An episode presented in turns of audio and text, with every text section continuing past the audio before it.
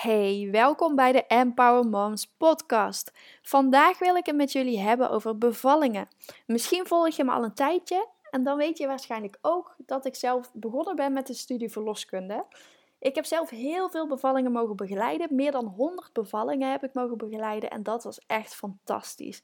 Dat was zo bijzonder om daarbij aanwezig te zijn en om deze baby's geboren te zien worden en die blijdschap van die moeders dat een baby er uiteindelijk is. Weet je, je hebt er negen maanden naar uitgekeken. Dat is gewoon super om daar als verloskundige bij te mogen staan en dit allemaal te aanschouwen.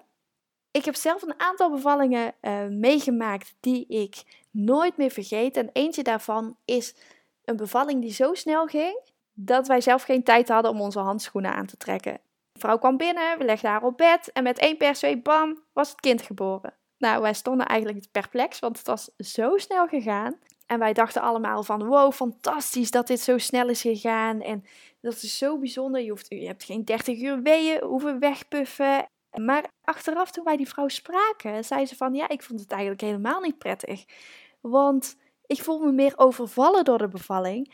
Ik heb het niet kunnen verwerken mijn lijf heeft het allemaal gedaan, maar mentaal kan ik het niet bevatten dat mijn kind zo snel is geboren. En toen dacht ik van ja, dat is eigenlijk ook wel zo.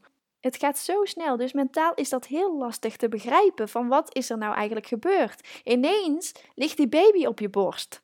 Die bevalling was ook wel een beetje de aanleiding waarvan ik dacht, van hé, hey, maar hoe kan het dat de ene vrouw eigenlijk positief kijkt naar haar bevalling en de andere vrouw negatief terugkijkt op haar bevalling? Want ik heb ook een aantal bevallingen mogen begeleiden die best wel gepaard gingen met complicaties.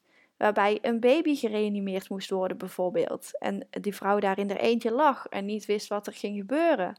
En toen ik haar later sprak, dat ze zoiets had van: Oké, ja, weet je, ik, ik kan het allemaal wel begrijpen. En gelukkig had die baby het overleefd. Gelukkig wel. En die vrouw had het een plekje kunnen geven. Die vrouw had het kunnen verwerken. Dus toen dacht ik van, hé, hey, hoe kan het dat een bevalling die eigenlijk vrij vlot verliep, dat die vrouw daar eigenlijk met negatieve gevoelens op terugkijkt? En hoe kan het dat bij een bevalling met heel veel complicaties, dat die vrouw eigenlijk er positief op terugkijkt? Van, hé, hey, maar jullie hebben er wel alles aan gedaan. En toen ben ik het gaan onderzoeken van, waar ligt dat nou aan? En dat vond ik eigenlijk nog wel interessanter. Nog wel interessanter dan al die bevallingen zelf. Van hoe gaat het mentaal met die vrouwen? Wat gebeurt er? Wat zorgt ervoor dat zij op een positieve manier kunnen terugkijken naar hun bevalling? En wat zorgt ervoor dat, dat er negatieve gevoelens worden ervaren? Dus ik ben me daarin gaan verdiepen en ik kwam eigenlijk uit op een paar dingen. En één daarvan is communicatie. Communicatie is zo belangrijk als zorgverlener is het zo belangrijk dat je een goede communicatie hebt naar de moeder toe en naar de partner toe. Dat je als vrouw wordt geïnformeerd over wat er gaat gebeuren en waarom het gaat gebeuren. Want als je weet waarom het gaat gebeuren, wat de noodzaak is, dan kun je het beter een plekje geven, dan kun je het beter verwerken. En dan overvalt het je niet. Maar als ineens je baby wordt weggenomen en je weet niet wat er gaat gebeuren, dan is dat heel erg beangstigend. Dan is dat niet fijn. Dus juist die communicatie is heel erg belangrijk. En ik snap ook, want ik heb het zelf ook meegemaakt, dat als er een noodsituatie is, dat die tijd er eigenlijk niet is om goede informatie te geven. Maar juist dan is het ook heel erg belangrijk om, ook al is maar met één zinnetje, die moeders goed te informeren van hé, hey, wat gaat er gebeuren en waarom gaat dit gebeuren? Ik heb hier zelf altijd heel erg goed op gelet. En ook vrouwen geïnformeerd van hé, hey, dit gaan we nu doen en daarom gaan we het doen. En ik merkte dat dat een groot verschil maakte. Vooral ook in de gesprekken achteraf. Dat we toen zoiets hadden van hé, hey, maar dit maakt wel degelijk verschil. En ik snap, hè, als bevallende vrouw kun je in zo'n roes terechtkomen dat er gewoon niks meer binnenkomt. Maar dan is het heel belangrijk om alsnog degene die erbij is, de partner bijvoorbeeld, om die er wel bij te betrekken. En juist daarom is het ook belangrijk om van tevoren op te schrijven wat jouw wensen zijn. Wat zijn jouw wensen voor jouw bevalling? Wat wil jij graag? Ik heb daar vorig jaar, geloof ik, een postje over geschreven en kreeg daar best wel wat kritiek op. Maar wat ik zie, is dat heel veel verloskundigen en gynaecologen zeggen: hé, hey, je moet een bevalplan schrijven. Maak nou dat bevalplan. Dat is heel erg belangrijk. En ik snap dat het belangrijk is. Hè? Ik moedig mensen ook altijd aan om zelf te onderzoeken van wat wil jij graag? Wil je thuis bevallen? Wil je in het ziekenhuis bevallen? Wat zijn de mogelijkheden? Um, als je thuis bevalt, hè, wil je in bad bevallen, wil je in bed bevallen, op de baarkruk bevallen. Um, als je in het ziekenhuis bevalt, wil je pijnbestrijding. Wat voor pijnbestrijding wil je dan? Wil je een ruggenprik of wil je iets anders? En ik vind het ook heel erg belangrijk om jezelf te verdiepen in de risico's. Van wat zijn de risico's van de keuzes die ik wil maken? En juist als je dit allemaal weet, kun je een duidelijke beslissing nemen. Dan weet je ook wat er zou kunnen gebeuren. En daarom is het ook heel belangrijk om inderdaad op te schrijven van wat wil je en om dit te bespreken met je partner en met je verloskundige of met je gynaecoloog, zodat ze weten, hè, mocht jij niet in staat zijn om deze beslissingen zelf te kunnen nemen, zodat zij die beslissingen voor jou kunnen nemen, zodat ze aan jouw wensen kunnen voldoen. Maar zie het niet als een plan. Ik vind die naam bevalplan eigenlijk verkeerd gekozen, want een plan dat klinkt voor mij als een vaststaand iets. En dat merk ik ook in de gesprekken met, met een aantal moeders die zeggen van ja, ik had me er eigenlijk een soort van aan vastgeklampt.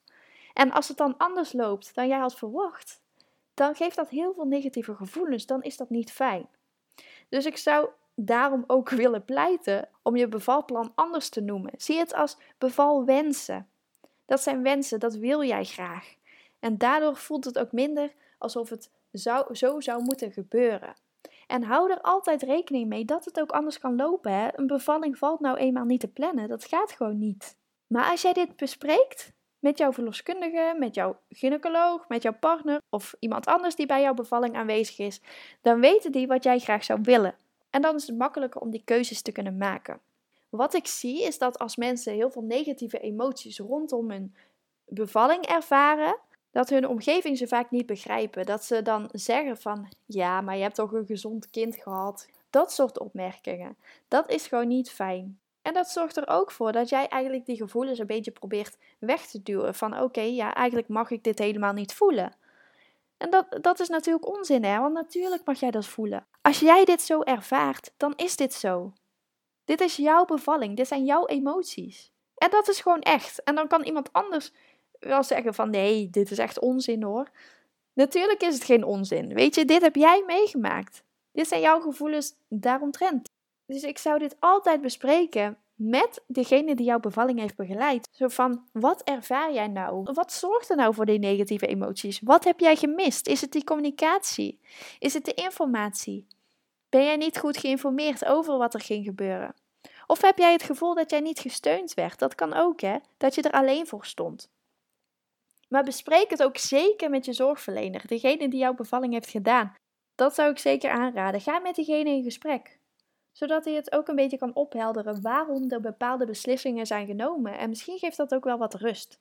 Want als jij hiermee blijft rondlopen, dan kan al die spanning zich opbouwen in jouw lichaam. En dan kun je heel erg gestrest raken.